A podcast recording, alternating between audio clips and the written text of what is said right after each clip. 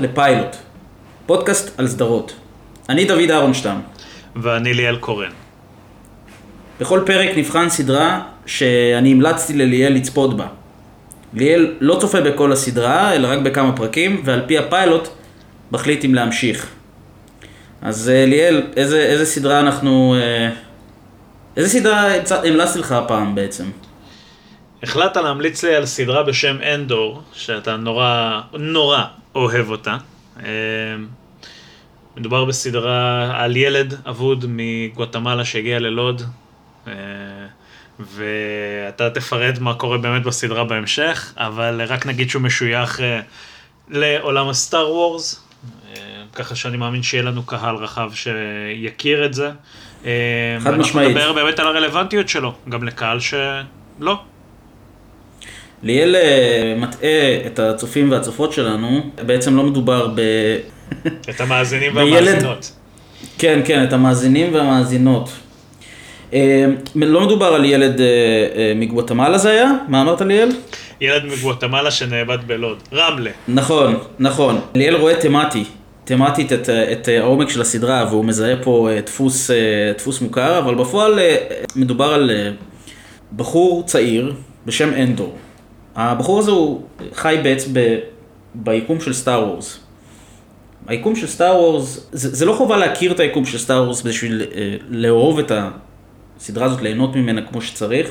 זה מה שמיוחד בה וזאת הסיבה שגם המלצתי עליה לליאל. אבל בכל זאת, כמה דברים שאנחנו צריכים uh, לדבר עליהם uh, בהקשר של הסדרה הזאת מבחינת הקאנון. הסדרה מתרחשת חמש שנים לפני מה שנקרא Battle of יבין, שזה אירוע מכונן בעולם של סטאר וורס, האירוע שמתואר בסרט הרביעי של, uh, של סטאר וורס הראשון בעצם uh, מבחינה כרונולוגית במציאות, הוא יצא ב-1977, מדובר על ה... מי שמכיר, זה, זה ההשמדה של ה Death Star uh, הראשון, הניסיון הראשון של ה Death Star. אנדור והסיפור סביבו מתקשר באופן ישיר לקרב הזה, ובגלל שאנחנו יודעים, אנחנו מכירים את אנדור, או לפחות מי שצפה ב Rogue One, בסרט uh, של Star Wars שיצא לפני כמה שנים, אנחנו מכירים את אנדור ואנחנו יודעים איך הסיפור שלו נגמר. הסדרה הזאת לוקחת על עצמה את התפקיד המאוד מעניין הזה של לספר איך הוא הגיע לאן שהוא הגיע. איך אנדור נהיה אנדור. אז מדובר על ילד שגדל בכוכב לכת, כזה שכונה קשה, כוכב לכת אה, מקצה הגלקסיה, שבעצם מה שהוא למד לעשות שם זה איך להיות נוכל. זה הרעיון בעצם של, של האופן שבו הוא נתפס. אנדור הוא נוכל, אבל אנדור גם הופך להיות מהפכן אחרי זה. הוא משחק תפקיד מאוד חשוב בכל מה שקשור להשמדה של הדסטאר, של כוכב המוות. ובסדרה הזאת, בכמה פרקים שאנחנו, שליאל ראה בעצם, אנחנו בעצם מגלים מאיפה אנדור מגיע, למה הוא בכלל יוצא לדרך. אז אה, ליאל, אתה רוצה, אתה רוצה לספר לנו קצת על אה, מה הפרקים האלה, מה ההתחלה הזאת בעצם, אה, מה ראית שם, מה עניין אותך, מה לא עניין אותך? טוב, אז אני בעצם צפיתי בחמשת הפרקים הראשונים של הסדרה. שלושת הפרקים הראשונים נוגעים בכל ההגעה שלו לכוכב, נותנים לנו מין רקע ראשוני אפשר לבוא ולהגיד שאנחנו אמורים ללמוד על הדמות וככה להתחבר אליה בשביל שהם יתחילו להבנות את אה, שאר העלילה. דבר שהם נכשלים בו נחרצות מבחינתי. בעיקר לאור העובדה שאני אגע בזה, אבל זה שלושה פרקים שאפשר היה לדחוף אותם בפרק אחד ואפשר היה להגיד סלמת ולתת לסדרה יותר פרקים טובים. אנחנו מדברים בעצם על ספתח, פרק הראשון, אה, הוא מגיע לכוכב אה, כלשהו. מחפש את אחותו. אה, ככה אנחנו לומדים שהוא בעצם מקנרי, שאין לנו שזה מושג. כוכב לכת אחר. כן, בעצם כוכב לכת אחר, לא שיש לנו יותר מדי מושג איפה זה או מה זה, אה, לפחות לצופה שמגיע בלי רקע. מה שקורה, הוא מגיע לבר, הוא בעצם אה, מבין, כנראה קיבל טיפ לפני כן, אה, שאחותו אולי הייתה שם. כאשר הוא מגיע לבר, המארחת, משום מה עודף שיתופית כלפיו, ומספרת לו את כל הסיטואציה של מה שהולך בבר. במקביל, אנחנו גם מבינים שזה גם בית בושת, אה, ואנחנו מוצאים את עצמנו עם שני קצינים, פי מה שנקרא הקלישאה הנפוצה, שהם מאוד מאוכזבים מאורך חייהם. ומחפשים למי להיטפל, וכמובן שהוא נופל בסטנטריזציה. הוא מבין שהיא לא שם, כי ככה המערכת אומרת לו. חוזר, בא לחזור לחללית, אה, ומחליטים להיטפל אליו, כי הם רוצים להרוויח משהו הערב ולהרגיש שיש להם גדול. דבר מוביל למשנהו, ואחד מהם מת, אה, מה שמכריח את אנדור גם להרוג את השני, בשיטה מאוד מאוד אישית לטעמי, אבל אנחנו ניגע בזה בהמשך. אה, הוא יורה לו בפרצוף. ולאחר מכן אנחנו בעצם עוברים שני אה, פרקים של אה, מסכות תופת, שבהם אין בהם תוכן. הבחור בעצם מתכנן את הבריחה שלו, מחליט למכור משהו שהוא גנב מזמן, שאנחנו לא מקבלים רקע, אבל אנחנו יודעים שהוא חשוב כי הוא משוייך לאימפריה. גם מי שלא מכיר את סטאר וורס יודע שכל הקטע שם זה הג'דאיז מול The Empire, ככה שזה ברמה הכי בסיסית שיש. והוא רוצה להיפטר מזה ולקחת את הכסף כדי לברוח עד שיחזור להיות שקט והוא יוכל לחזור לכוכב. הדבר הבא שקורה זה שבעצם בשלושת הפרקים הראשונים בורחים את כל הסיטואציה הזאת, עד לנקודה שבה הוא בעצם בורח, עם בחור שאקסיט שלו הייתה עושה עסקים איתו, ובעצם בגלל זה מתחייב להפוך של אנדור, בוא, בוא רק נבהיר, הבחור שהאקסיט של אנדור, כן, אה, האקסיט של אנדור, כן. כל השיח זה על אנדור, זה ההיכרות של הדמות איתו, דוד ייתן פה יותר רקע, אבל אני... זה, זה בערך התמצית של שלושת הפרקים האלה. אין סצנות קריטיות, אין... לפחות לא אני ראיתי משהו שבאמת אפיין את הדמות. דוד הולך כמובן להציג מה שהוא ראה, אבל uh, בצפייה הראשונה שלי של שלושת הפרקים האלה, זה באמת היה תוכן לפרק אחד. Uh, אבל פה מגיע האבל הגדול. אנחנו מגיעים לפרק הרביעי והחמישי, uh, איפה שהוא כבר מוכרח לשנות את אורח חייו. ובשני הפרקים האלה אנחנו לומדים הרבה יותר על הדמות והרבה יותר על העולם הזה מאשר בשלושת הפרקים הראשונים.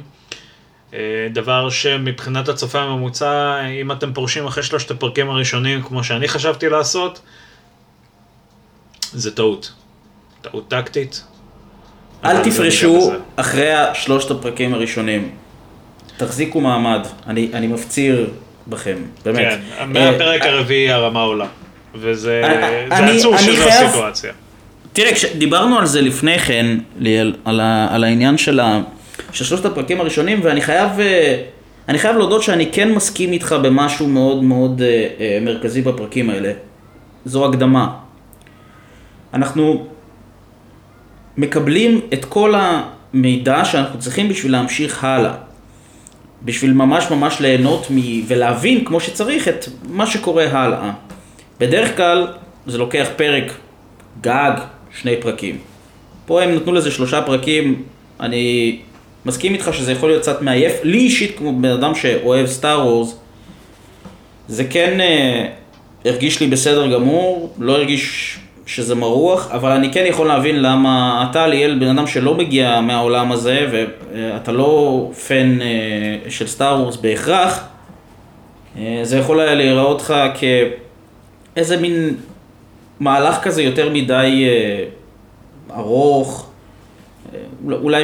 מהלך שאפשר לקצר אותו כמו שאמרת. אז בוא נדבר על שלושת הפרקים האלה. בפרקים הראשונים אנחנו בעצם רואים את כל הסביבה של אנדור במקום שבו הוא חי. אנחנו פוגשים את הרובוט שלו, שהוא מכנה אותו B, זה רובוט אה, שהוא סטנדין כזה של, של R2D2, כן, הרובוט החביב, אה, שבסרטים המקוריים הוא היה קומיק ריליף פחות או יותר, הוא ו-C3PO. פה יש לו גם אה, איזושהי מין חשיבות דרמטית שאנחנו, היא בעצם מתגלה מאוחר יותר. קוראים לו B2EMO. עכשיו, אה, אנחנו פוגשים אותו, אנחנו פוגשים את האקסית של אנדור, שליאל סיפר עליה. אה, שזאת ביקס קלין. ביקס קלין אה, עובדת עם מכר של, של אנדור, ואותו מכר בעצם גם מקנא ביחסים שבין אנדור לבין ביגס.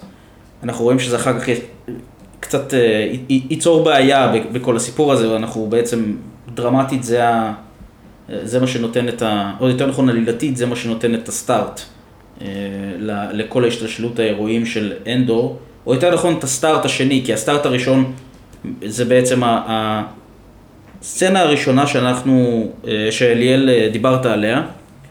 עכשיו, בסצנה הזאת, אנחנו... אני, אני, לא, אני חייב להס- להגיד משהו, אני לא מסכים איתך לגבי הסצנה הזאת ספציפית. אני, אני חושב שהסצנה הזאת, הסצנה הראשונה, או יותר נכון הסיקוונס של הסצנות, כשאנדור מגיע לחפש את אחותו אה, בבית בושת, ב, לכוכב כוכ, קוראים מורלנה 5, אה, מורלנה 1, אוקיי, מורלנה 1. זה מין כוכב כזה, יורד שם גשם ואורות ובוהקים כאלה, יש פה איזשהו ניסיון להראות את, ה... את הקשיחות של המקום הזה. ואנחנו אנחנו רואים כבר מההתחלה, כבר בסיקוונס הזה, מאפיין מאוד מאוד חשוב של אנדור. מאפיין שאחר כך אנחנו נראה אותו לאורך כל, ה... כל הסדרה, מאפיין מאוד מרכזי באופי שלו. אנדור מקצוען. הוא לא נותן לרגשות לנהל אותו. כשבאים אה, לשדוד אותו, הוא מעריך את הסיטואציה, שני החבר'ה האלה, שני עובדי החברה המושחתים שדורשים ממנו כסף, כשבאים לשדוד אותו, הוא מעריך את המצב והוא מבין שיש לו סיכוי טוב לצאת מזה עם הכסף שלו, וגם להעניש אותם, וזה מה שהוא עושה.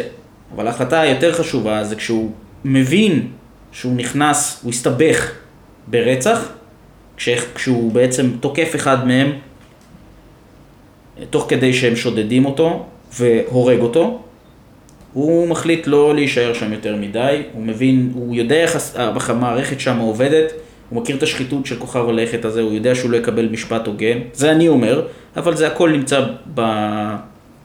בסדרה עצמה, כפי שהיא, כפי שהיא מתפתחת מאוחר יותר.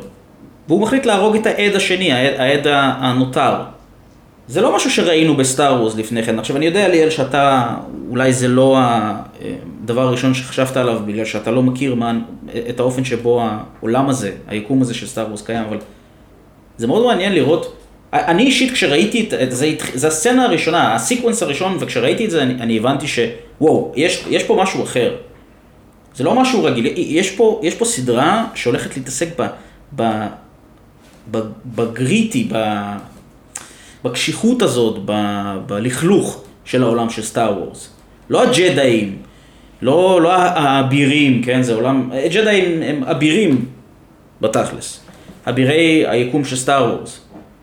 הרוע שם הוא רוע הרבה יותר בירוקרטי, כן, האימפריה, המשטרה החשאית של האימפריה, כל הדברים האלה, זה מה שמתעסק בו, הדיכוי של השכבות החלשות, ושל אנדור כנציג שלהן. אנדור שלא יכול לקבל משפט הוגן, אנחנו נראה את זה גם מאוחר יותר בסדרה. אתה לא הגעת לזה עדיין ליאל, אבל יש גם את החלק הזה. בתוך העולם הזה, אנדור הוא מקצוען שיודע מה לעשות. ואני חושב שאם לא שום דבר אחר בשלושת הפרקים הראשונים, אנחנו לפחות רואים את זה. בכל פעם שאנדור נמצא בצומת דרכים, שהוא צריך לבחור האם הוא עושה את מה שצריך, או שהוא מתקפל תחת הלחץ, אנדור בוחר לעשות את מה שלא נראה נכון, והוא עושה את זה היטב. אני אגיד לך מה הבעיה. אתה מזהה פה מין דפוס שהוא לא מוצג בצורה באמת מלאה. יש לך פה הרבה הנחות יסוד שאתה יוצא גם מכך שאתה מכיר את הדמות, גם אם לא מעט. הסיטואציה שמוצגת, אתה, אתה קצת הגדלת אותה, אבל הסיטואציה עצמה שמוצגת זה שהוא מתעצבן, הוא יורה לו בפרצוף, טס חזרה לכוכב, וכל ההתנהלות שלו סביב האנשים לא מראה שיקולים, אלא פשוט התנהלות. זאת אומרת, הוא מדבר על זה באופן כללי, שהוא רוצה לברוח, הוא מדבר על זה שהוא צריך כסף, שזה בהחלט התנהלות של בן אדם שנמצא כרגע במנוסה, אבל אין באמת תקשורת כמו בפרק הרביעי או בפרק החמישי, שבה באמת הוא מראה מקצועיות. זאת אומרת, אתה רוצה להציג אותו כמקצוען, אבל בפרק החמישי, כשהוא עומד מולם והוא מדבר איתם, ואז מבינים את הסיטואציה שבה הוא קולט עליהם שאין להם מושג מה לעשות, הוא מבהיר איפה המקצועיות שלו נכנסת. אבל בפרקים הראשונים, הוא נמצא במין סיטואציה כזאת שהוא רק מבצע. הוא לא עכשיו אה, מרים תכנון או יכולת חשיבה, או, הוא פשוט הולך לאיפה שהוא חושב שהוא צריך, אבל הוא לא מבנה את זה. זה פשוט נראה obvious. הם לא הציגו את זה אומר. כמשהו שהוא מעמיק אני מבין עליו. מה אתה אומר, כן, לדעתי ההבדל פה זה שבפרק החמישי, כל הפרקים עד הפרק החמישי, אין דור מקצוען שבורח. בפרק החמישי, החמישי והלאה, אנדור הוא מקצוען בתחום שלו. שמים אותו בתחום שהוא יודע. והמקצועיות שלו בעצם מתבטאת בזה שהוא עושה את מה שהוא אמור לעשות. פה אנחנו באמת רואים את, ה, את האופן שבו אנדור, מה, מה, מה אנדור באמת נועד לעשות, כן? מה, מה, האופן שבו הוא היה אמור מלכתחילה לנצל את הכישרון שלו. אבל אתה צודק, יכול להיות, יכול להיות, יכול להיות ש... אני יכול לדבר על, על, על עצמי, על מה ש... על החוויה שלי.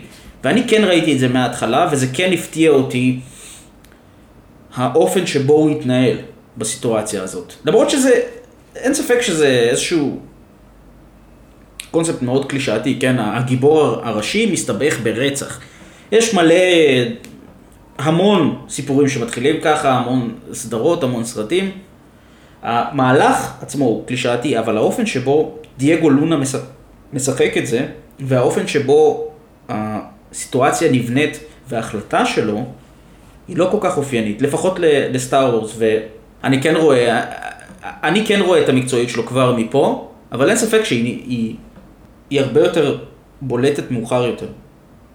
טוב, אז uh, הסצנה הראשונה, הסיקוונס הראשון יותר נכון, סולל את הדרך לשאר הסדרה. אנחנו רואים את אנדור שהסתבך בתוך כל הסיפור הזה, בורח חזרה לפריקס, ושם אנחנו פוגשים גם את הרובוט, כמו שהתחלתי להגיד לפני כן, גם את האימא המאמצת שלו, שאנחנו בעצם נחשפים לקשר ביניהם דרך פלשבקים, לאורך שלושת הפרקים הראשונים. מרווה. אה, מרווה, פיונה שואו הנהדרת. אה, זו דמות, אה, פיונה שואו זו השחקנית. מרווה זו דמות מאוד מעניינת, כי אנחנו רואים שאת, ככל הנראה את מה ש... כל מה שאנדור יודע על ה... על להיות מקצוען ועל ללכת נגד החוקים ולבוז לחוקים של המערכת, הוא למד ממרווה ומהבן זוג שלה, קלם. שזה מוצג בעשר דקות האחרונות של הפרק השלישי. כן, נכון. אני חושב שאתה צודק בזה ש... זאת אומרת, הם בעצמם, כן, אה, היוצר של הסדרה בעצמו אה, חושב, מחשיב את ה... שלושת הפרקים הראשונים למבנה אחיד. אגב, היוצר של הסדרה זה טוני גילרוי, אה, בחור מאוד מוכשר, שכתב את Rogue One, את הסרט שזה הפריקוול שלו, שהסדרה היא הפריקוול שלו. אה, והוא כתב עוד מלא דברים מגניבים, הוא כתב את Devil's Advocate עם אה, קיאנו ריבס ואל פצ'ינו, סרט ממש מגניב. וכל הסרטי בורן, כן, עם מאט דיימון, וגם את ההמשך עם ג'רמי רנר, שאנחנו מאחלים לו רפואה שלמה, והחלמה מהירה כמובן. והוא גם, אה, גם הפיק את Nightcrawler, שזה סרט ממש מגניב עם ג'ייק ג'ילנהול, סרט ממש מוזר, אבל ממש ממש מעניין, מאוד מתאים לג'ייק ג'ילנהול לדעתי, לטעמי. בכל אופן, כל ה, ה, ה, הרבה מהדברים האלה, יש בהם גיבור שהולך נגד הזרם. עכשיו, באופן כללי זה משהו שאנחנו רואים הרבה פעמים ב, בסדרות, אבל אנחנו רואים שהוא מגיע מוכן, והסדרה הזאת היא, היא, היא מיוחדת מהבחינה הזאת. אנחנו מדברים על, לא על ג'דאים, כמו שאמרתי, אלא על אנשים רגילים, ואני חושב שמה שיפה בכלל בכל ההתנהלות הזאת בפריקס, כל ה... מה שאנחנו רואים בפרקים הראשונים זה את החיים שלהם. החיים של, ה, של המעמד ה, העובדים, כן, הפועלים של הגלקסיה. החבר'ה שמתקנים, מפרקים, מנהלים. חלליות. כן, כן, כן. של חלליות. וזה מאוד מעניין לראות את האופן שבו אנדור מנווט בעולם הזה. אתה, אתה מסכים איתי ליאל? זה, זה לא משהו מעניין? הסיטואציה מסביב שאתה מתאר היא, היא באמת אידיאלית, אבל שוב, זה לא באמת מוצג כמו שאתה מתאר אותו, וחשוב להבהיר את זה. זה משהו שנגזר הרבה בדיעבד. כשאתה ניגש, באמת, אמרתי, זה, אני, אני עדיין מדגיש את הטענה הזאת, כי באמת בשלושה פרקים הראשונים יש עלילה לאמת לפרק אחד. וזה דבר שהוא נורא נורא קשה בסיפור הזה, כי אתה מאוד מנפח את הדמות עכשיו, אתה נותן לו הרבה מאוד משמעות, ואתה נותן נפח לעומק שלו, אבל זה לא באמת מונגש לצופה בפרקים האלה. אתה מקבל פיסות מידע, הפלשבקים שלא נגענו בהם בכלל, הם על כל המקום, הם, הם בשפה לא ברורה, בלי תרגום, אתה אמור להבין אותם מקונטקסט, ולגמרי אפשר היה לצמצם אותם, לאחד אותם לאיזה חצי פרק, ובאמת לתת פה איזה משהו, אבל הם על כל המקום, וזה יוצר לך מין, מעבר להפסקות הלא באמת הגיוניות האלה, הן לא נותנות שום דבר על אנדור. זאת אומרת, אני אמרתי לך את זה כבר, ואני אומר את זה גם לשומע פודקאסט. היה לי נורא קשה בשלושה פרקים האלה להתחבר אליו, כי לא למדתי עליו כלום. לא הרגשתי דמות כדמות ראשית שאמורה לתפוס אותי. לא הרגשתי איזה משהו שהוא מיוחד כלפיו, או רצון להקשיב לו. עד הפרק הרביעי, שבה הוא באמת, אני רואה אותו מתמודד עם העולם, כי בוא נודה באמת, בשלושה פרקים הראשונים הוא לא מתמודד עם כלום, הוא רק בורח. זאת אומרת, הוא גם אפילו עדיין לא בורח. הסצנות עצמם הן כל כך ארוכות בלי תוכן בקטע הזה, שהוא לא באמת מספיק לבצע דברים. זאת אומרת, אנחנו... אני אחדד את מה שאתה אומר, אני רק אחדד את מה שאתה אומר. מה שהוא עושה זה הוא מתכונן לברוח. הוא מכין את כל הדברים שלו, את כל מה שהוא צריך בשביל לברוח, הוא מכין אותו. הוא, הוא מדבר עם ביקס. ביקס אה, עוזרת ל... ביקס זאת האקסיט של אנדור. כן. והוא עוזרת לו בעצם ל- למכור משהו שהוא גנב, משהו יקר ערך, ובעצם זה גם מה שמניע את העלילה המאוחר יותר, אבל הוא צריך לה, אה, למכור את הדבר הזה כדי שיהיה לו כסף לעזוב, כדי שהוא יוכל להתקיים. כן, הוא, הוא שמע את זה כסכום כן. ליום הדין. כן, אז, אז הוא רוצה לעזוב, אבל זה מאוד חשוב להגיד, בגלל שהוא באמת מאמין שרודפים אחריו, ואנחנו גם, אנחנו גם רואים בשלושת הפרקים האלה שהוא לא סתם... אנחנו תוך כדי לומדים, כן. כן, אבל הוא, הוא גם לא סתם מאמין את זה, באמת, באמת מחפשים אותו, וגם אה, הוא נתקל במצב כזה שבו יש, יש לנו אה, קצין אה, של, ה, של החברה ההיא, שממנה, זאת אומרת החברה ששני החבר'ה שהוא הרג עובדים בה, שהוא... איזה סג"ם הוא... אחד חולה סגמת, שהחליט שהוא בדיוק. רוצה לבצע את המשימה. הוא מורעל מדי, המערכת לא, לא יודעת להתמודד עם, ה, עם המורעלות שלו. ושקוראים לו סיריל, כן, אה, לדמות הזאת, וסיריל אה, הוא עקשן, הוא שאפתן, והוא רוצה לעשות קריירה על, על, בדיוק על הסיפור הזה. הוא, הוא, יש לו איזה שהם דרכים שהם, זאת אומרת, אה, איזושהי אמונה איך הדברים צריכים להתנהל, והוא מזועזע מזה שהמפקד שלו רוצה פשוט לטאטא את זה מתחת לשטיח. ולא להתייחס יותר לסיפור הזה. כן, קרה, אנחנו לא נמצא את הבן אדם שעשה את זה, הוא הולך ועושה את זה ובאמת מצליח למצוא את, ה, את, את אנדור, מתחיל לחפש אותו, ואנדור תוך כדי מתכונן, הוא, הוא מסדר את העניינים שלו ככה שזה, שהוא יוכל לעזור. אבל בוא נדבר רגע על, ה, על אנדור וה, והאנשים סביבו. בשלושת הפרקים האלה אנחנו רואים את אנדור, את האופן שבו הוא מתנהג כלפי האנשים שנמצאים סביבו, הוא, הוא, הוא משתמש בהם. הם כלים מבחינתו. כן, כן, רואים שהוא שמוק. כן, בוא... כן, כן, הוא, אין ספק שהוא שמוק, ואנחנו גם רואים שזה הגיוני, כי בסך הכל הבן אדם נוכל. כן, כן, אה, ו- פה, וזה לא כזה מוזר. לא, לא, נכון. זה לא הפתיע. הוא כלפי אה, חבר, בוס שלו, כאילו לא ברור, אה, הוא ביחסי אמון מלאים, אה, לא שמציגים יותר מדי את ההבניית יחסים הזאת, שזה חבל אגב, כי זה יכול ללמד אותנו הרבה על אנדור. עם ביקסבי הזאת, הוא, יש מין יחסי... ביקס, ביקס. ביקס. יש לה מין יחסי אהבה-שנאה כאלה, של... היא מאוד אוהבת אותו, אבל היא מאוד כועסת עליו כ- כפרסונה. הוא מאוד מעצבן אותה על ההתנהלות שלו. ביקסי דמות מאוד מעניינת. ביקסי דמות מאוד מעניינת בעיניי. יש את ציון מלכה זה שפתח עליו, אז בפרדיגמה הזאת אה, אנדור הוא בחור טוב. הוא לגמרי אמור להיות בחור טוב, הוא גם אה, נתן בו איזה 17 פעם כי הוא עשה לו שוב בידק, והוא תקף. הבנתי, הבנתי. ויש לנו את בי, שהוא הרובוט שעובד איתו צמוד, שהוא היה של מרווה, ורואים שהוא גרסת, אה, מה שנקרא, להחזיק מחשב Windows XP ולנסות להתקין עליו Windows 11. אה, הוא נהדר, אני ממש אוהב את הרובוט הזה. לא, הוא חמוד. הוא חמוד. אתה זוכר את הקטע הזה שהוא, שהוא צריך להטעין את עצמו בשביל לשקר? כן. זה כל כך מקסים בעיניי, באמת. זה, כן, נהדר. לי זה עבר הבדיחה מעל הראש, את דוד זה קרה מצחוק. אני, אני פשוט הסתכלתי ואמרתי, טוב. יותר מזה, זה גרם, לי, זה גרם לי להזדהות עם הרובוט הזה. אני אומר, אה, אוקיי, זה, בין, זה רובוט ישר. אה, אה, הוא לא רוצה, הוא לא רוצה להיות כמו אנדור. כן? כן. כמו קאסה, הוא קורא לו קאסה, כי אנחנו, כי זה הכינוי שאנחנו נלמד אותו בסוף כן. הפרק השלישי. כן, ש... קוראים לו קס, קסיאן אנדור. כן? כן. כולם מכנים אותו קאסה. קאסה, כאילו, ככינוי. כן. כן. ואנחנו כמובן רואים את מרווה, שהיא הפדופילית שחטפה אותו. אה, אוקיי, אוקיי, אוקיי. בוא... אוקיי. בוא נדייק.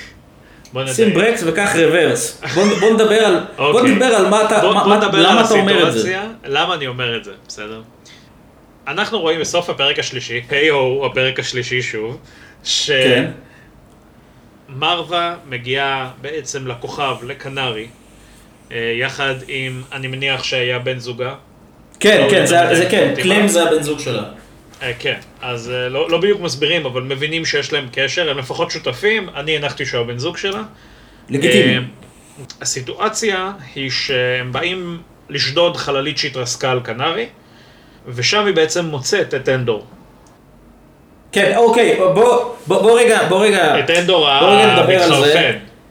אנדור הגיע ל, ל, לחללית הזאת בגלל שהיא התרסקה ב, בכוכב הלכת שהוא גר בו, הם הלכו לבדוק את החללית ולנסות לבדוק מה, מה קורה שם בעצם. בוא, ו... בוא רגע נתאר את הפלשבקים באופן כללי. הפלשבקים מתחילים, הפלשבקים מתחילים בזה שבעצם במין כפר כזה, בתוך יער. כן. הם קבוצה של שבט מקנרי, אין להם שום פירוט עליהם, זאת אומרת, הם מדברים בשפה הקנרית כנראה. זה, זה שבט הם, פרימיטיבי כזה. כן, אין להם, הם כאילו לא נתקלו בעולם החיצון. אין להם, אין להם נשקי לייזר כמו, כמו שיש לשאר הדמויות. ב, כן. ב, אין להם כן, כלום, יש להם כאילו כלי אבן וכלי עץ, זה מה יש להם. ובעצם הילדים הם סוג של מובילים את השבט. אה, יש להם גם, אה, יש להם גם אה, כלי נשיפה כאלה. כן. לא, אבל יש להם גם קנה נשיפה שהם יורים אה, חצים, כן, כן. כן. כן, כן. עכשיו הסיטואציה היא שהם נוחתים בעצם, אה, חללית נוחתת אה, נחיתת חירום ומתרסקת על קנרי. נכון. המשך הפלשבק זה שהם מחליטים כקבוצה מי יוצא בעצם למשלחת הזאת לחקור את החפץ שנפל מהשמיים. אולי זה האלים, הם לא יודעים. שם פרימיטיבי בכל זאת. אה, המילה היחידה שברורה בכל הפלשבקים זה אחותו הקטנה של אה, אה, אנדור שקוראת לו קאסה. כל הזמן כן, רוצים שתבין את זאת אותה אחות שבעצם אנדור מחפש בתחילת הפרק. כן, ולאחר מכן הפלשבק הבא זה שהם מגיעים לחללית, מובילת הקבוצה, כי היי הו גרל פאוור, מובילת הקבוצה הולכת לראות את הגופות בחללית, ובעצם יש בן אדם ששורד שהורג אותה עם רובה לייזר. אגב, אמרת גרל פאוור, ובוא, אני, אני רוצה להתייחס לזה רגע. אני חושב שהסדרה הזאת, הדמויות הנשיות בה מאוד, מאוד, מעניינות. יש, אה, עכשיו זה לא רק בפרק, בפרקים הראשונים, אבל, אבל יש פה, יש פה דמויות מאוד מעניינות של אה, נשים שעומדות במרכז של כל העלילה, אנחנו לא רואים את זה אה, מספיק, בעיניי. לא, מציגים את זה, מציגים את זה טוב, אתה רואה את זה כשאחר כך אתה פוגש את uh, ג'יל ואתה uh, רואה את, uh, את ביקס ומרווה. אני, ה... אני למשל מאוד מאוד אוהב את הדמות של מון מות'מה. אתה כבר ראית את זה, אני חושב. מון מות'מה זאת uh, uh, סנטורית. ש... כן, כן, גם היא, שעם המשפחה שלה, ילדה כן, בחינוך לה... מיוחד ובעל שהוא פשוט אירי. לא, לא, הוא לא בחינוך, היא לא בחינוך מיוחד, אבל יש לה, יש לה, יש לה בעיה עם, ה, עם המשפחה, כי אה, בעלה והיא, יש להם איזה יחסים מוזרים כאלה, הם אה, לא, לא משדרים על אותו הגל. כן, אה, היא פשוט באיזשהו שלב הפכה מימנית לשמאלנית אחרי שנבחרה, והוא לא, לא אוהב את זה. אני, אני לא חושב שהיא, אני לא חושב שהיא הייתה אי פעם, אתה, אתה לא יודע את זה כי אתה לא מכיר את העולם, אבל מון מוטמה הייתה עוד, עוד מהתקופה של הרפובליקה, שזה לפני שהאימפריה הוקמה, היא, היא הייתה מה שאתה קורא לו שמאלנית, כן. היא, היא, היא, היא, היא הייתה אה, בעד ליברליות ו, ו, ונגד אה, ריכוזיות של, של השלטון. וכש... במיוחד בתקופה של האימפריה, כשהמצב הרבה יותר גרוע ואין שום חופש בכלל, והכל מנוטר והכל נבדק, ויש אה, מין תחושה של, של דיכוי, לא תחושה, זה דיכוי לכל, לכל דבר, אנחנו רואים את זה לכל אורך הסדרה. מון מוטמה היא אישה מאוד אמיצה, שהיא היא, היא, היא ממשיכה לממן את המאבק. את, ה, את המאבק נגד האימפריה. אה, כמובן בסתר, כן? היא לא יכולה לעשות את זה באופן פתוח, אבל היא עוזרת לבן אדם, למפעיל של אנדור, שאנחנו פוגשים אותו בפרק השלישי, לות'ן. זו דמות נהדרת לכשעצמה, אני, אני כל כך אוהב את לות'ן פה, ובכלל, אתה עוד, לא, אתה עוד לא צפית בהמשך, אבל יש לו סצנה מטורפת, כמה סצנות מטורפות ממש בואו לא נעשה ספוילרים לשומענו. לא, לא, לא, לא, אני לא מתכוון לעשות ספוילרים, תקשיבו. כמה שהשלושת הפרקים הראשונים הם, הם, הם אה, לא משקפים את הסדרה, בוא, בוא נגיד, אפשר להסכים על זה ליאל, נכון? הם לא משקפים את שאר הסדרה. לא, לא. זה, וזה זה קיצוני כמה שהפרק הרביעי הרבה יותר מייצג וטוב לסדרה מאשר השלושה הראשונים. אה, זהו, אז... וזה חשוב אז... להגיד שזה... זה... בדרך כלל, אתה יודע, אומרים, תחזיק, תגיע לחלק הטוב, וזה לא תמיד ככה, במקרה הזה זה באמת כן, זה תחזיקו, תגיעו לחלק הטוב, ומשם תמשיכו. כן, אז, אז אני אומר שכמה שהם לא מייצגים את הסדרה, הם, הם עדיין נותנים איזשהו, איזשהו בסיס לבנות עליו. ואם לעבור אותם, אני, אני אישית, אה, אין, אין לי בעיה עם הפרקים האלה, הם כן, הם כן יותר איטיים והם יותר, אה, יותר, קש, יותר קשה לעבור אותם אולי. אבל אחר כך, וואו. אחר כך זה משתפר מאוד. אה, אבל שוב, אנחנו לא רוצים ספוילרים, ולכן אנחנו כן. אה, לא... כן, כן, כן. רק נסיים את החלק של הפלשבקים. כן, אז, אז החלק של הפלשבקים, הם הגיעו לחללית הזאת, והמנהיגה עומדת להיכנס, תמשיך. כן, אז אנחנו בעצם נמצאים בסיטואציה שבה המנהיגה עומדת להיכנס, מי שכביכול מנהיגה את הקבוצה הזאת. אה, אחד הקצינים כנראה, של החללית עדיין נשאר בחיים, הוא הורג אותה. כל שאר חברי הקבוצה תוקפים אותו. אה, והורגים אותו. הוא מנסה לפגוע באחרים, הוא לא כל כך מצליח, אה, ואז מת. אה, לאחר מכן הם חוזרים כביכול לכפר, ואנדור מחליט לחקור את החללית, כי הוא מסוקרן. בזמן שהוא חוקר את החללית, הוא רואה שם את כל המחשוב, את כל הדברים, ורואה את עצמו במין ציוד עם זכוכית. מה שמוביל אותו לקונטקסט של פריקת עצבים, על כל הסיפור של המוות של המנהיגה. והוא מחליט בעצם לשבור את כל החדר בקרה שהוא נמצא בו. והסצנה האחרונה של הפלשבק... הוא ילד, הוא ילד. הוא ילד, הוא ילד, אני, אני לא מאשים אותו, אני אומר, אין לי, אין לי טענה כלפי זה, זה הגיוני. לא, אני, אני רק מבהיר, אני רק מבהיר שמדובר אנחנו על... אנחנו מדברים על פלשבק, כן, אנחנו לא מדברים כן. על אנדור המבוגר שאנחנו רואים בסדרה. כן. ובעצם הסצנה האחרונה של הפלשבק זה בה שמרווה מגיעה עם אה, קלם, עם צדפה. הם בעצם מגיעים עם ביגם, שהוא אז הוא היה גרסה חדשה, אינטרנט מהיר, הכל עבד אה, טוב, לא מגמגם, ואומר להם, שומעים... אבל עבר אה, הרבה זמן מאז. עבר הרבה מאוד זמן מאז, אה, והוא אומר להם, שומעים, החבר'ה בדרך, היא רואה את אנדור, ומחליטה שאם היא תשאיר אותו שם, הוא ימות, ומחליטה בעצם לחטוף אותו, זאת אומרת, מסממת אותו, מבקשת מבי סמים, מסממת את הילד, ואז אה, בעצם חוטפת אותו לחללית, משאירה את אחותו מאחור ואת השבט שלו מאחור, ורק כשאנחנו מתרחקים, אנחנו בעצם לומדים אה, שקנרי כבר אה, נפגעה בעבר, כי רואים שרוב הכוכב בעצם פצוץ, חוץ מחלקים מסוימים ממנו איפה שאנדור היה גר, שהיה שם יותר ירוק, ובאמת מדברים על זה שהיה שם ניסיון לקריאה שלא צלח, זה, ושם בעצם זה הסוף של הפלשבק. כל הפלשבק הזה שתיארנו, היה יכול בכיף להיכנס בין חצי פרק לפרק. אפילו לא, אפילו כאילו חצי פרק בפרק הראשון, חצי בפרק השני ולסיים את הסיפור. אבל אה, לא, מה שאני מתאר לכם בעצם נגרר על שלושה פרקים. וכל פלשבק הוא בערך... טוב, טוב, טוב, אה, בסדר, בסדר. כן, אנ- אנחנו הבהרנו שה... אתה חושב חשבת שזה יותר מדי ארוך. אבל בוא נדבר על ה... בוא, בוא, נדבר על ה... אה, בוא קודם נגיד איך זה נגמר. שלושת הפרקים הראשונים שזה הפתיחה. אגב, ה- ה- הסדרה עשויה בחלקים של שלושה פרקים. כל אה, אה, שלושה פרקים טרילוגיות. יש מין... כן, אפשר לקרוא לזה ככה. אז זה נושא נפרד. קו עלילתי שנגמר אחרי הפרק השלישי. לא, בפר- בפרק השלישי של כל אחד מהמקטעים האלה. ובסוף הפרק השלישי של הסדרה, אנחנו רואים שאנדור מקבל אפשרות, זה העשר דקות שאתה מדבר עליהן, כן?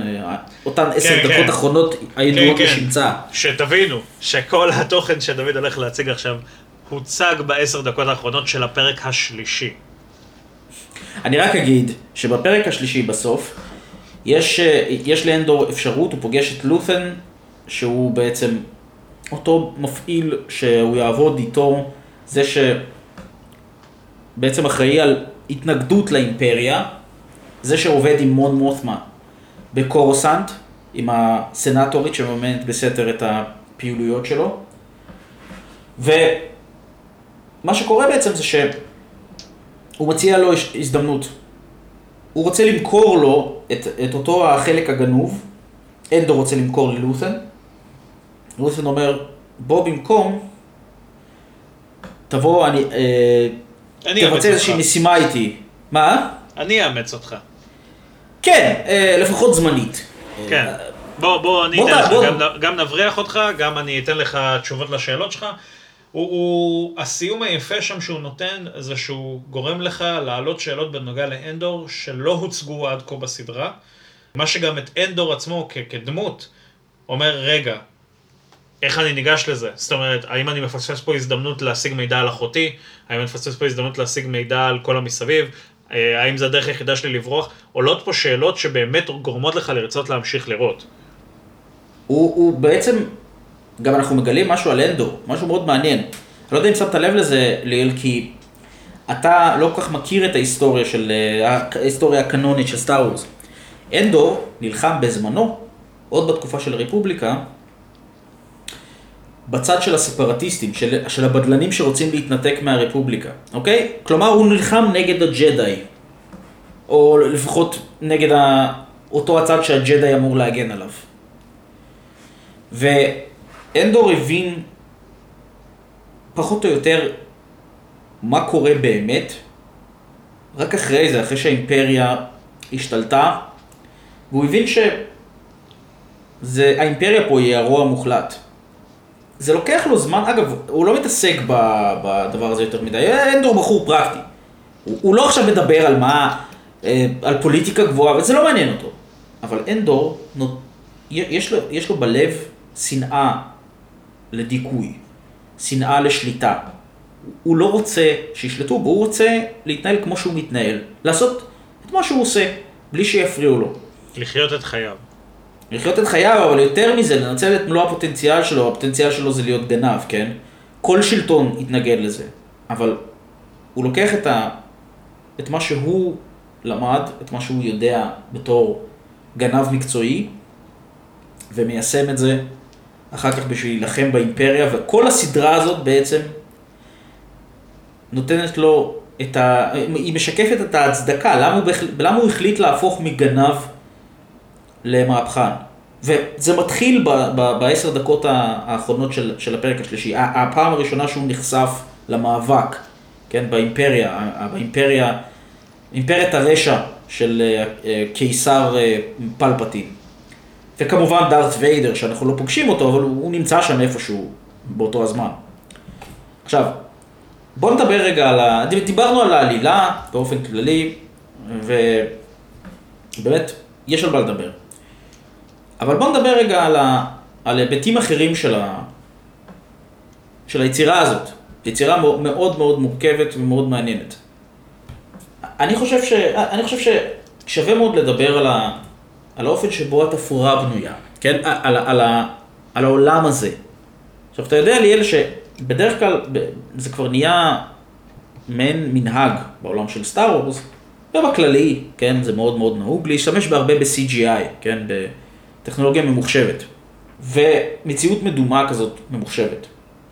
בסדרה הזאת, מה שיפה, ואנחנו גם מרגישים את זה ממש, לפחות אני מרגיש, תכף ליאל, אתה תגיד מה אתה חושב על זה, שהסטים בנויים במציאות. מישהו הלך ובנה את הסטים האלה. הסטים האלה בנויים בצורה מאוד מאוד מאוד קפדנית, בצורה מאוד מושקעת. יש שם סטים של רחובות שלמים, שאנחנו רואים בהם את ההתרחשות קורית בהם. יש CGI, ברור, אה, אין חלליות במציאות, כן? אבל, אבל ממזערים אותו. הדרך שבה, זה נותן לשחקנים את האופציה לשחק מול אנשים אמיתיים. לא, לא, לא חבר'ה שהם אמורים לשחק איזושהי מפלצת, ובפועל הם מסתכלים, השחקנים מסתכלים על אה, איזה בחור או בחורה בספנדקס אה, ירוק, כן? שזה ממש קשה לשחק ככה, אני בטוח. לצייר את התנועה. בדיוק, זה ממש, כן. ממש קשה לשחק ככה. אני מסכים איתך לחלוטין לגבי התפאורה. התפאורה היא אחד הדברים היותר מרשימים שיש בסדרה הזאת. אה, לא רק התפאורה, אלא כל האווירה שנוצרת שם. אמרתי לך את זה, ואני אומר את זה גם לכם, שומענו, השחקנים, הניצבים, התפאורה, משתלבים ביחד כמי שבאמת מבין את העולם שהוא נמצא בו. הרבה פעמים תראו בסדרות שהניצבים לא באמת מבינים איך לתפקד ומה לעשות, ובדרך כלל כביכול אומרים להם, תתנהג כאילו הם מתנהגים כרגיל לדוגמה בשוק. אבל זה לא באמת היו עושים משהו מיוחד, לא היו מנסים להידמות לשוק באמת, אלא בדרך כלל עומדים ברקע, זזים ימינה שמאלה, מתנהלים כאילו מדברים, או אולי מדברים על משהו אחר חוץ מהסדרה. כמה קשה, זה, כמה, כמה קשה לעשות את זה כשאתה, השוק זה מסך ירוק. זה עוד יותר קשה. ופה באמת הניצבים גם ידעו להחיות את התפאורה. התפאורה עצמה הייתה מדהימה, אבל הניצבים באמת ואני אמרתי לדוד, אני חושב שהם עשו פה עבודה מטורפת בלהרים את המציאותיות של הסדרה, מציאותיות של מדע בדיוני, כן? אני, אני מדבר פה בסוף על סדרת מדע בדיוני, אבל הם נכון. מכניסים אותך לעומק, הם נותנים פה קונטקסט, אתה מרגיש שאנדור והחבר'ה מסביב מתנהלים סביב עיר שבאמת חיה, ולא עוד איזה מקום אה, של הסדרה עצמה. וזה משהו שהוא לדעתי אספקט מטורף לסדרה. כשבן אדם יודע להנגיש דבר כזה, כשכותב ומפיק יודע לעשות את זה כמו שצריך, זה רק מעלה את ערך הסדרה, זה לא יכול להוריד אותה. אתה יכול לראות בסדרות אחרות, כמו ריברדייל, אה, אה, אה, או סדרות כמו שנות ה-70 וכל מיני דברים כאלה, אתה תמצא תמיד שהניצבים לא תמיד יודעים מה לעשות עם עצמם. כמה שהמפיק יסביר להם, או כמה שינסו להכווין אותם, אם הם לא באמת מחוברים לאקט, הם לא ידעו מה לעשות, ופה הניצבים ידעו מה הם עושים, היה להם עומק בזה, הם לא הסתכלו על עצמם רק בתור ניצבים שאני אמור להיות ברקע, אלא אנחנו אמורים לגרום לכך שזה מרגיש כאילו יש פה התנהלות, שזה חלק מאקט לא יומיומי של העיר. וזה בעיניי זה דבר שמאוד מאוד מעלה את ערך הסדרה, כי זה מראה שהאנשים שבאו לעשות אותה, היה להם כוונה, היה להם השקעה, הם תכננו את זה מראש, ומי שהגיע בכלל, אפילו, אז אני אומר, אפילו ברמת הניצבים, בנה על זה שהבן אדם הצופה ירצה להרגיש את הסצנה. ואני כצופה מעריך את זה, גם אם בשלושת הפרקים הראשונים לא התלהבתי, בלשון המעטה, אני נהניתי מלראות את העיר הזאת חיה, זה הרגיש לי כמו לראות דוקו, ולא כמו לראות סדרת מדע בניוני, וזה היה כיף. כי זה, אתה אומר, אוקיי, גם שהסיפור פה מופרך, אני חי אותו כחלק משגרה. אני מסכים איתך מאוד. אני מסכים איתך מאוד. הדיוק בפרטים, האופן שבו אה, גילרוי מתייחס לכל חלק קטן בסדרה, כמו שאתה אומר, אפילו הניצבים, שהם ניצבים, בסדר. הוא אכפת לו מספיק בשביל לבוא לשבת איתם, בשביל להראות מה בדיוק הוא מעוניין לראות, מה בדיוק הם אמורים לעשות, בשביל שליאל אחר כך יוכל ליהנות מה... מהסצנה מה, מה באופן המלא ביותר, ולא לחשוב, הרי כל פעם שאתה רואה ניצב עושה משהו מוזר, זה זורק אותך החוצה מה, מהסדרה, ואתה אומר, אה אוקיי, אני, אני צופה בסדרה. כן, יותר קשה. בדה אופיס. זהו, אז בדה אופיס זה חלק מהסדרה, יש פה משהו כזה מטה, כן? כן, אבל, אבל זה כל פעם מוציא אותך מהריכוז. אבל כן, אתה מת... דווקא ב-The Office זה לא עושה לי את זה, אבל אני מבין מה אתה אומר. אם זה לא היה The Office, אם זה היה משהו אחר, כן. הייתי ישר שם לב, רגע, רגע, רגע, למה הוא עושה את זה? זה חלק מהסדרה, או, ש... או, או, או, ש... או שהשחקן לא סתם עושה משהו? בכל אופן, אין את זה פה.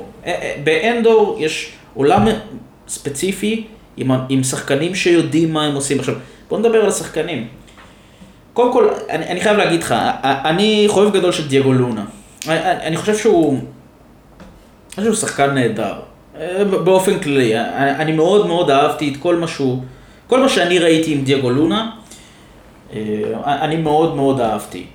ובין היתר גם בו, נרקוס, נרקוס מקסיקו, שבו הוא משחק מעין, את ראש הקרטל, כן, בעצם, של מקסיקו בתקופה מסוימת. ו... האמת שאני גם ראיתי את אה, אחד מהסרטים הראשונים שהוא, אה, אה, שהוא עשה, שנקרא ואת אימא שלך גם. כך נקרא, כך נקרא הסרט. והסרט מעניין, ואני חושב ש... אני חושב שהוא בכללי שחקן מאוד מאוד מאוד מעניין, הוא, הוא, הוא שחקן מקסיקני, כן? הוא, הוא השתלב בהוליווד היטב, ואני חושב שהוא, זה המקום שלו, הוא, הוא מצא את המקום שלו, הוא, הוא פרץ, קולנוע מקסיקני הוא קולנוע נהדר, אבל אנחנו יודעים שהכסף האמיתי, כל מה שקשור לקולנוע נמצא בהוליווד, ואת השם שלו יכירו דרך הוליווד, אה, בכל העולם. ואני חושב שפה ספציפית, דייגו לונה יש משהו באופן שבו הוא מתנהל, אני לא יודע אם זה משהו ש... קשור לילדות שלו, לביוגרפיה שלו, אני, אני לא רוצה להגיד סתם, אבל אני חושב שהוא משדר מעין, הרי אנדור הוא סוג של, סוג של פליט, כן? פליט מה, מהכוכב שלו, מקנרי. Mm-hmm. הוא, הוא מוצא את עצמו בתוך עולם זר, שבו הוא גדל, והוא נהיה משהו אחר. בדיוק כמו ש... בדיוק כמו שדייגו לונה מוצא את עצמו עכשיו, לצורך העניין, בהוליווד. כן? הוא, הוא תמיד יהיה שחקן מקסיקני שהגיע מבחוץ, כן? כמו, כמו כל השחקנים האלה שמוצאים את עצמם בתוך הוליווד והם שחקנים uh, במקום אחר, כמו uh, כריסטוף וולץ שהוא אוסטרי, כמו גל גדות. קפון. כן, תומר קפון כמובן, שעושה, מייצג uh, את המדינה שלנו בכבוד רב ב-The Boys, כאן נהדר, באמת, לא שהוא לא משחק צרפתי שם, אבל בסדר. Uh, אנחנו יודעים שהוא ישראלי. וזה חשוב. Respect. אה, אז, אה, אז מה שאני רוצה להגיד זה שהוא עדיין אאוטסיידר. ואני חושב שהוא, יכול מאוד להיות שהוא משתמש ב, ב, במעמד אאוטסיידר, אאוטסיידריות, כן, אפשר להגיד את זה, שלו, ב, כדי לשאוב מזה לטובת אותו אנדור, שאף פעם לא באמת מרגיש בבית בשום מקום. הוא כל הזמן נע ונד, כל הזמן מסתובב. דייגו לונה מביא את עצמו לתוך התפקיד הזה, ואני כל כך כל כך אוהב אותו בתפקיד הזה, זה, זה נהדר. אני, אני כל כך מתלהב מהאופן שבו הוא עושה את זה. אני חושב שהוא, הוא כבר שחקן מוערך, אבל אני חושב שהתפקיד הזה נותן לו עוד אקסטרה משהו לרפרטואר, כדי שנוכל להגיד, כן, הוא עשה את זה שוב. אבל הוא לא היחיד שם. ליאל, היה לך איזשהו שחקן שבלט שאתה רוצה לדבר עליו? או שחקנית? אני אגיד לך מה, בשלושה פרקים הראשונים אה, לא נתפסתי על איזה מישהו. היה לי מאוד קשה אה, להתחבר לדמות, כמו שאמרתי, אבל מבחינתי, אה, רק הדמות שכרגע הכי תפסה אותי זה הדמות של... ברח לשמוע, בלונדיני, בסוף הפרק השלישי. לופן, לופן ראל. לופן. לופן הוא דמות מצוינת בעיניי. באמת, כן, משחק אותו, אותי. משחק אותו סטלן סקרסגרד, שחקן גאוני, גאוני. הוא יודע להנגיש דמות, אני באמת אה, נפלתי שבי לרגליו. הסיטואציה שבה הוא מקנה את החוסר ברירתיות הזאת, אבל מצד שני, בלי באמת יכולת לכפות על אנדור את הסיטואציה, הוא עושה לו מין פסיכולוגיה הפוכה תוך כדי השיח, ואתה רואה שהוא לא רק משחק את זה, אלא הוא, הוא מבין את הטקסט. הוא מבין מה הוא אמור לעשות לדמות של אנדור, ואתה רואה את אני לפחות אמרתי לך שזה דעתי, שאני רואה שהוא באמת מתחיל לתת הבעות פנים כשהוא מנהל איתו שיחות עם לופן. עד, הפ... עד הפרק השלישי הוא לא מראה הבעות פנים, הוא תמיד נראה כמו ילד מסכן בכיכר הכדורים בלוד. אבוד לגמרי, בלי הורים, ורק כשהוא מתחיל לדבר איתו, באמת הוא מתחיל לעשות uh, הבעות uh, ומראה רגשות. יכול להיות שזה באמת כמו שאתה אומר, מהקטע של המקצוענות, של לשמור על poker face. אני חושב שהוא משחק את אנדור בפרק, בפרקים הראשונים כמו שאנדור אמור להיות. Uh, יכול להיות. אני, שוב, בגלל שאני, אתה אומר כמו שאנדור אמור להיות, כי אתה מבין את ה context שלו, אני בתור צופה ריק, לא רואה את זה ככה. אני רואה פשוט מישהו שהוא לא מובן. אז אוקיי, לצורך העניין בוא נעזוב רגע את אנדור בפרקים, השלושת הפרקים הראשונים, בוא נדבר על סלאד סקאסגרד בתפקיד לות'ן ראל.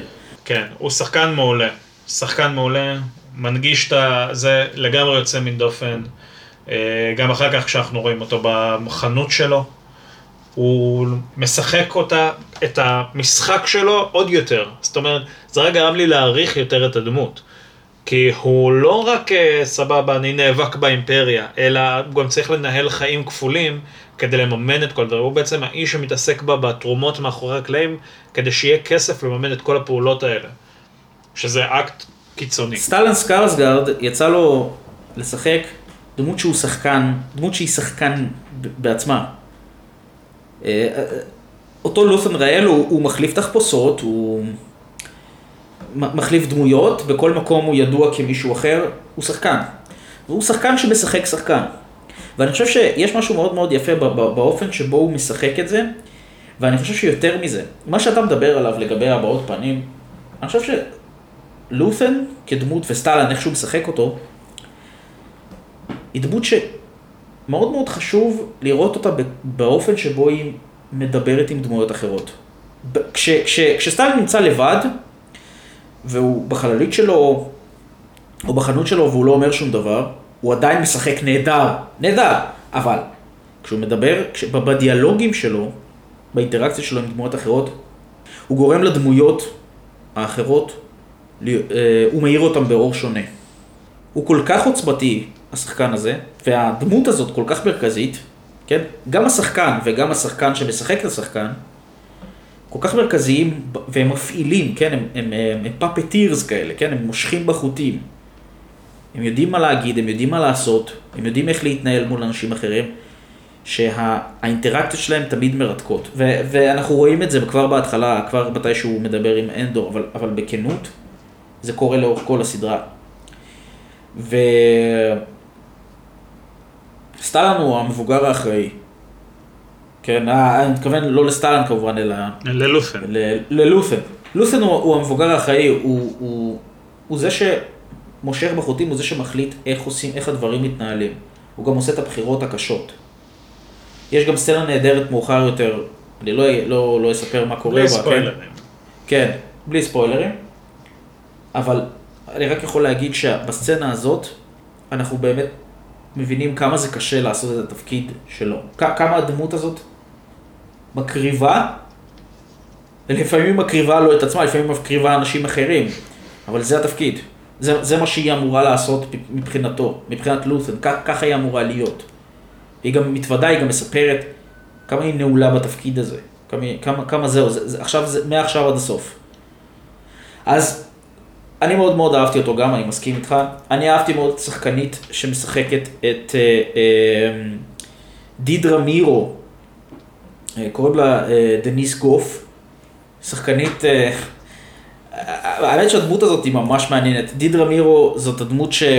הסרט לא, לא, לא, לא, זאת מאוד מאוד מה. דידרה מירו זאת הקצינה של המשטרה החשאית. אה. זאת שעפה על עצמה, המג"דית הראשונה ב... בקרב המשטרה החשאית. זהו, היא, היא, היא מאוד קרה, מאוד מחושבת, היא, היא משחקת את זה נהדר. אני ממש ממש, זו, זו דמות לא נעימה, אבל היא אמורה להיות לא נעימה. לא, לא, היא מבינה את המקום שלה, היא מבינה שהיא היא... נלחמת בעולם של גברים. יכול להיות, והיא מאוד אכזרית. כן, כן, היא מאוד אכזרית. היא אומרת, אני לא מחפשת חברים. כן, אבל אה, זה, זה, זה לא סתם אה, עולם של גברים, זה עולם של גברים אכזריים. זה עולם של, של, של, של בהמות, של, של אה, חיות אדם. האנשים סביבה בתוך המשטרה החשאית יקריבו כל דבר, יעשו כל דבר, אה, פשוט לא אכפת להם. אין להם שום עקרונות. והיא מבינה שהיא צריכה להיות כזאת גם בשביל להצליח. ו... והיא מאוד, והיא מאוד, מאוד, מאוד מצליחה, היא גם עושה את זה היטב. את התפקיד שלה, שהוא תפקיד נוראי, היא מבצעת היטב. אה, ועד כדי כך שזה משבש את כל התוכניות אה, מאוחר יותר של כל גיבורי המאבק.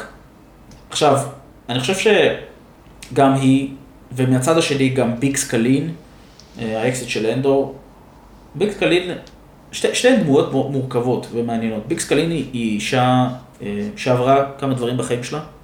היא יודעת מה היא מעדיפה, היא יודעת מה חשוב לה.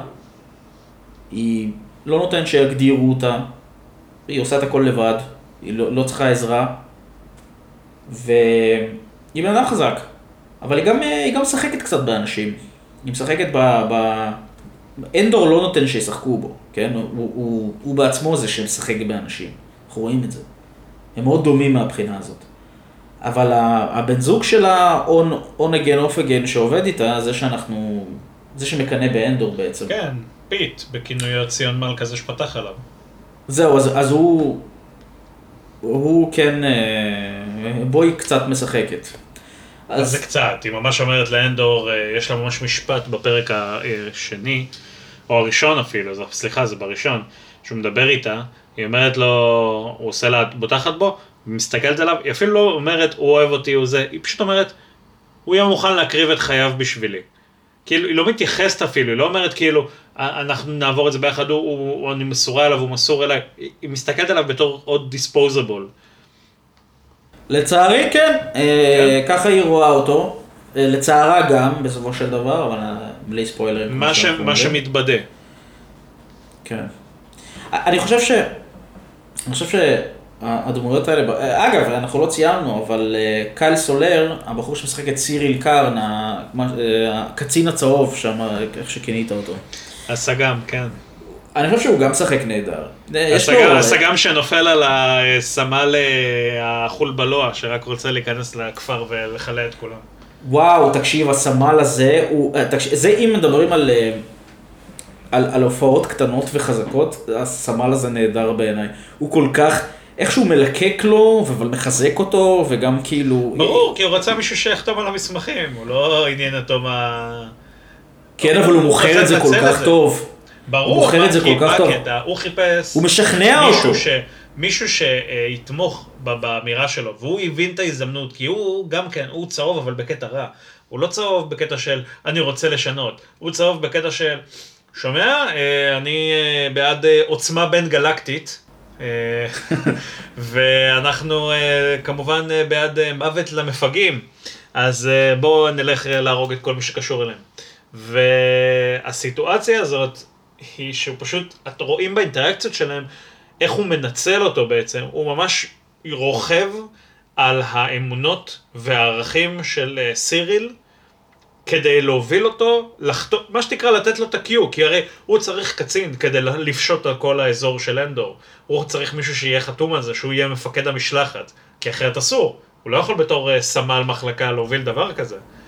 כן, הוא, הוא מעודד אותו, הוא, הוא מלהיט אותו. הוא מנצל אותו, וזה היופי, הוא כאילו, כן. זו, מה שנקרא, זורק עוד שמן מתחת למדורה שלו, ואומר לו, חסר עוד אנשים כמוך, הרבה זמן לא הגיעו לפה אנשים ערכיים כאלה, כולם מחפשים לטאטא מתחת לשטיח, זורק לו בדיוק את המשפטים כדי, אתה יודע, להעצים את האש, כדי שהוא יגיד, וואלה, אני עושה את הדבר הנכון, גם בזמן שהוא מבין שאף אחד לא באמת רוצה לעזור לו. אגב, אה, אה, השחקן אלכס פרנס, משחק גם בסדרת צ'רנוביל וגם אה, בבטמן הכי חדש. Mm-hmm. זה שיצא ב-2022, הוא שחקן, אה, שחקן טוב. כן, אני, כן, הוא עושה את העבודה שלו כמו שצריך. אני כן, אני, אני חושב שאנחנו אה, נמשיך עכשיו, דיברנו הרבה שחקנים, יש גם שחקן מאוד מאוד חשוב שאנחנו לא, אני לא אגיד מי הוא, אבל שחקן מאוד מרכזי שאנחנו רואים אותו אחר כך, והוא כבר בפרקים המאוחרים יותר. אני לא מדבר על זה בינתיים, כי בכל זאת זה פיילוט, נכון ליאל? נכון, זה לא ספוילר. לגלות הכל. ספוילרים בעדינות. אה, טיפו, טיפה, טיפה, ממש בקטנה. תפתחי. לא חייב. מה לגבי ה... מה לגבי הפסקול, מה לגבי המוזיקה? מה אתה חושב? אה, לא היה הרבה ממנה, אבל אה, קולות הפעולות מצוינים כרגיל, כמו שמתאים ל Star Wars. כמה שלא ראיתי את כל הסדרת סרטים, אני זוכר מאוד בחיבה את הז'ום של ה lightsaber, או את ה... כן, האפקטים. הם, הם לגמרי, אה, מבחינת אה, קולות רקע, עושים את זה בצורה מצוינת. אה, מעבר לזה, הפתיח וכל האלה, הוא לא באמת מוזיקלי או איזה משהו, אבל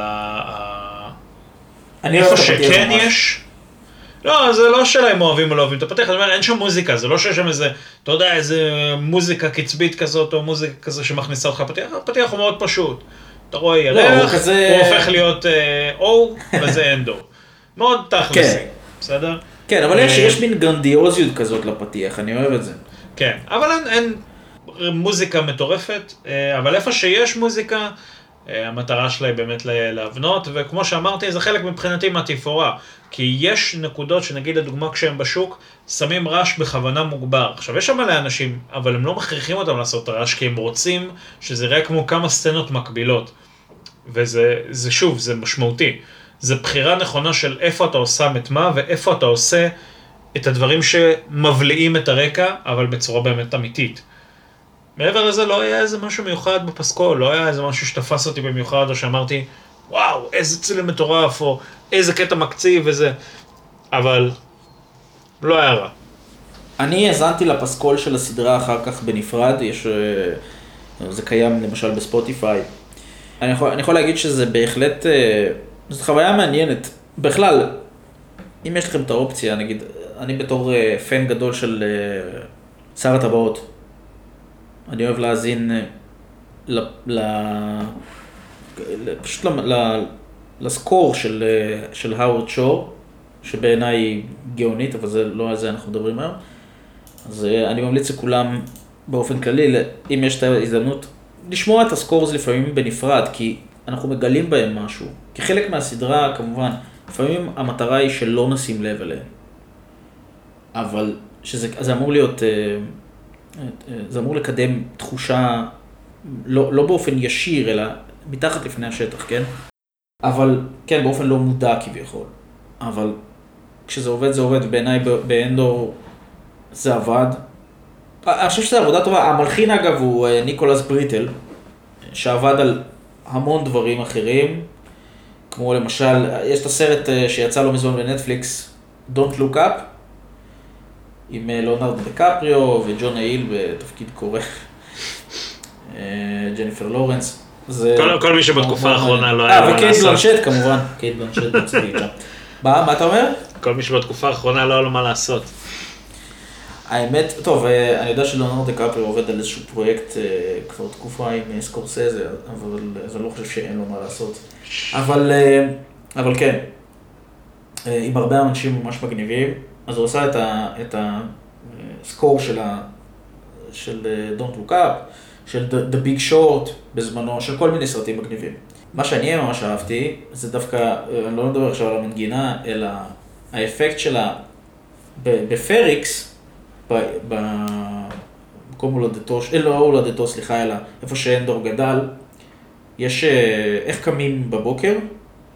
יש בחור שעולה על מגדל, זה נהדר, בחור שעולה על מגדל, כן, זה במקום אה, אה, פעמונים, כן, כמו שהיה לכנסייה בימי הביניים, שם יש אה, שני אה, כאלה פטישים, ועם הפטישים האלה הוא מכה על האנביל, על הסדן, ו, ופשוט מאיר את כל העיר. והוא לוקח את זה ממש ברצינות, זה ממש טקס וכל ה... כל מה שנכנס לזה, והוא... זה ממש מגניב, אני, אני ממש אהבתי איך שהם עשו את זה, עכשיו, כי, כי זה באמת מעביר את ה... המתכתיות הזאת של העיר. כל העיר מתכתית, כן? הם מתעסקים ב... כמו שאמרת, משחטת רכב. זה, זה, זה ממש... אה, זה עיר של מתכת ואבן. כן. כמה שעתידנית, ככה היא בעבר. כן, אגב, סטאר וורס מתרחש אה, a long long time ago, כן? אז אה, אפשר להגיד שזה מין ערבוב של העבר ו- והעתיד במידה מסוימת.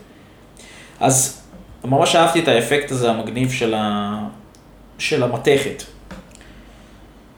טוב, אה, דיברנו על הרבה דברים ויש עוד הרבה על מה לדבר, אבל אני, אני חושב שבשביל פיילוט אנחנו כיסינו את רוב הדברים העיקריים ש, ששווה לדבר עליהם.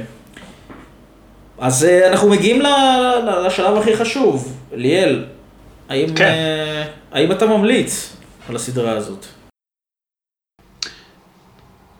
למרות שהדרך קשה, הפרס בסוף הוא מובטח. אז uh, אני ממליץ, ואני ממליץ uh, להחזיק שיניים מאוד חזק, להריץ את הפרקים הראשונים ולהתחיל לראות סדרה שלדעתי תהיה שווה כל רגע. אם אני אדרג אותה, כן. אני אבוא ואגיד ש... מבחינתי שבע מתוך עשר. היא בהחלט שווה צפייה, שוב, השלושה פרקים הראשונים קצת הורידו לי ממנה, אה, ולכן לא באמת היה לי איזושהי הבניה מספיק עמוקה לדעתי לסדרה, אבל אה, כל צופה זה אינדיבידואלי, ולכן אני אומר מראש, הפרק הרביעי והלאה מחזיק, מחזיק מים, ובהחלט אה, מצליח לגרום לדבר הזה להמריא. כן, חשוב להגיד שהסדרה היא באורך של 12 פרקים, הפרקים הם בערך בין 40 דקות ל-60 דקות. זו סדרה ששווה להשקיע בה לדעתי את הזמן האישי שלכם ושלכם. הסדרה עצמה אגב מתוכננת. לשתי עונות, לפחות כרגע, ושתי עונות של, שתי- של 12 פרקים. אז אני אישית אה, חושב שמבחינתי, אם אני צריך לדרג, אני, קודם כל כמובן ממליץ על הסדרה הזאת, אחרת לא הייתי מבקש מליאל אה, לראות אותה, obviously. אבל אני, אני, אני רוצה להגיד שמבחינתי הסדרה הזאת היא תשע מתוך עשר, ואולי אפילו יותר.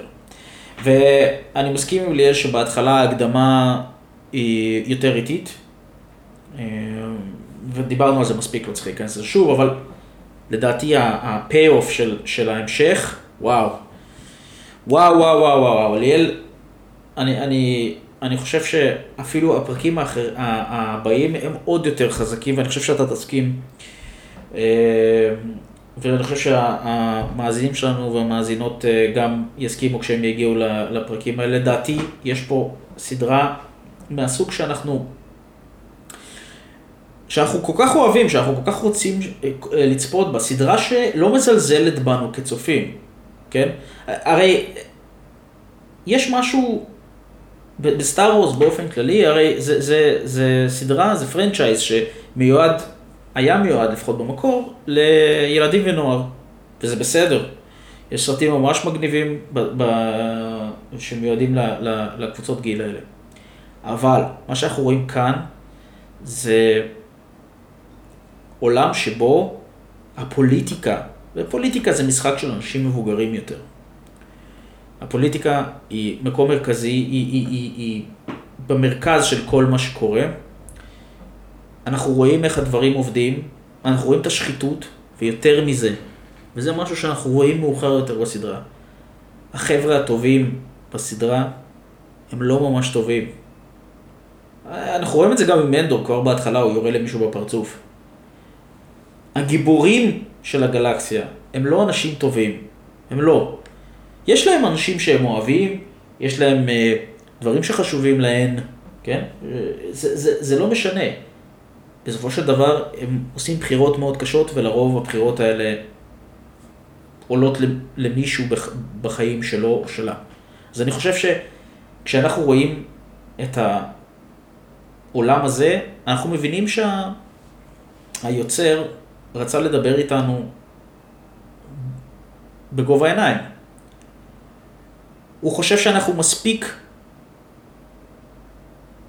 מעוניינים ומספיק אוהבים את סטאר וורס בשביל שלא ניעלב ולא ניפגע אם הוא ירצה רגע לשבת איתנו ולדבר יותר ברצינות.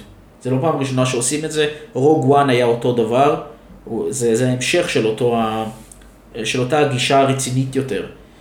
ואנחנו רואים את זה. אני, אני הכי אוהב את כל מה שקשור ל... גם עכשיו עם מנדלוריאן והסוקה שבאה עלינו לטובה. אני מאוד מקווה שהשנה זה יצא.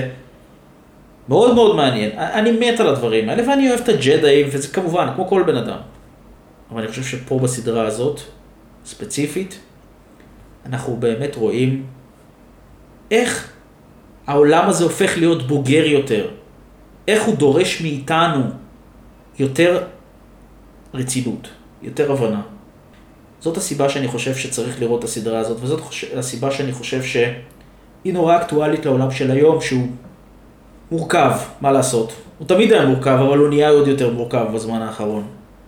אני חושב שאנחנו מזהים את עצמנו בסדרה הזאת, כל אחד שיבחר את מי, מי הוא רוצה להיות, אבל אני חושב שהסדרה הזאת ספציפית היא עבודה נהדרת של הרבה מאוד גורמים ביחד. של היוצר, של השחקנים, של הצלם, של הפסקול, הכל. ובסוף אנחנו, אנחנו מקבלים משהו מיוחד. אני אישית מאוד מאוד מחכה לעונה הבאה. אני, אני, אני רק מתרגש מלחשוב על זה. רק מלחשוב על זה. זהו, אני, אני, חושב, ש, אני חושב שסיכמנו את הכל. ליאל, יש לך עוד משהו להגיד? דיברתי הרבה. תודה רבה שהאזנתם. תודה רבה רבה שהאזנתם. אני חושב שיש לנו עוד הרבה מאוד מה להגיד, ואני מאוד מקווה שתמשיכו איתנו. נתראה בפרק הבא. תודה רבה.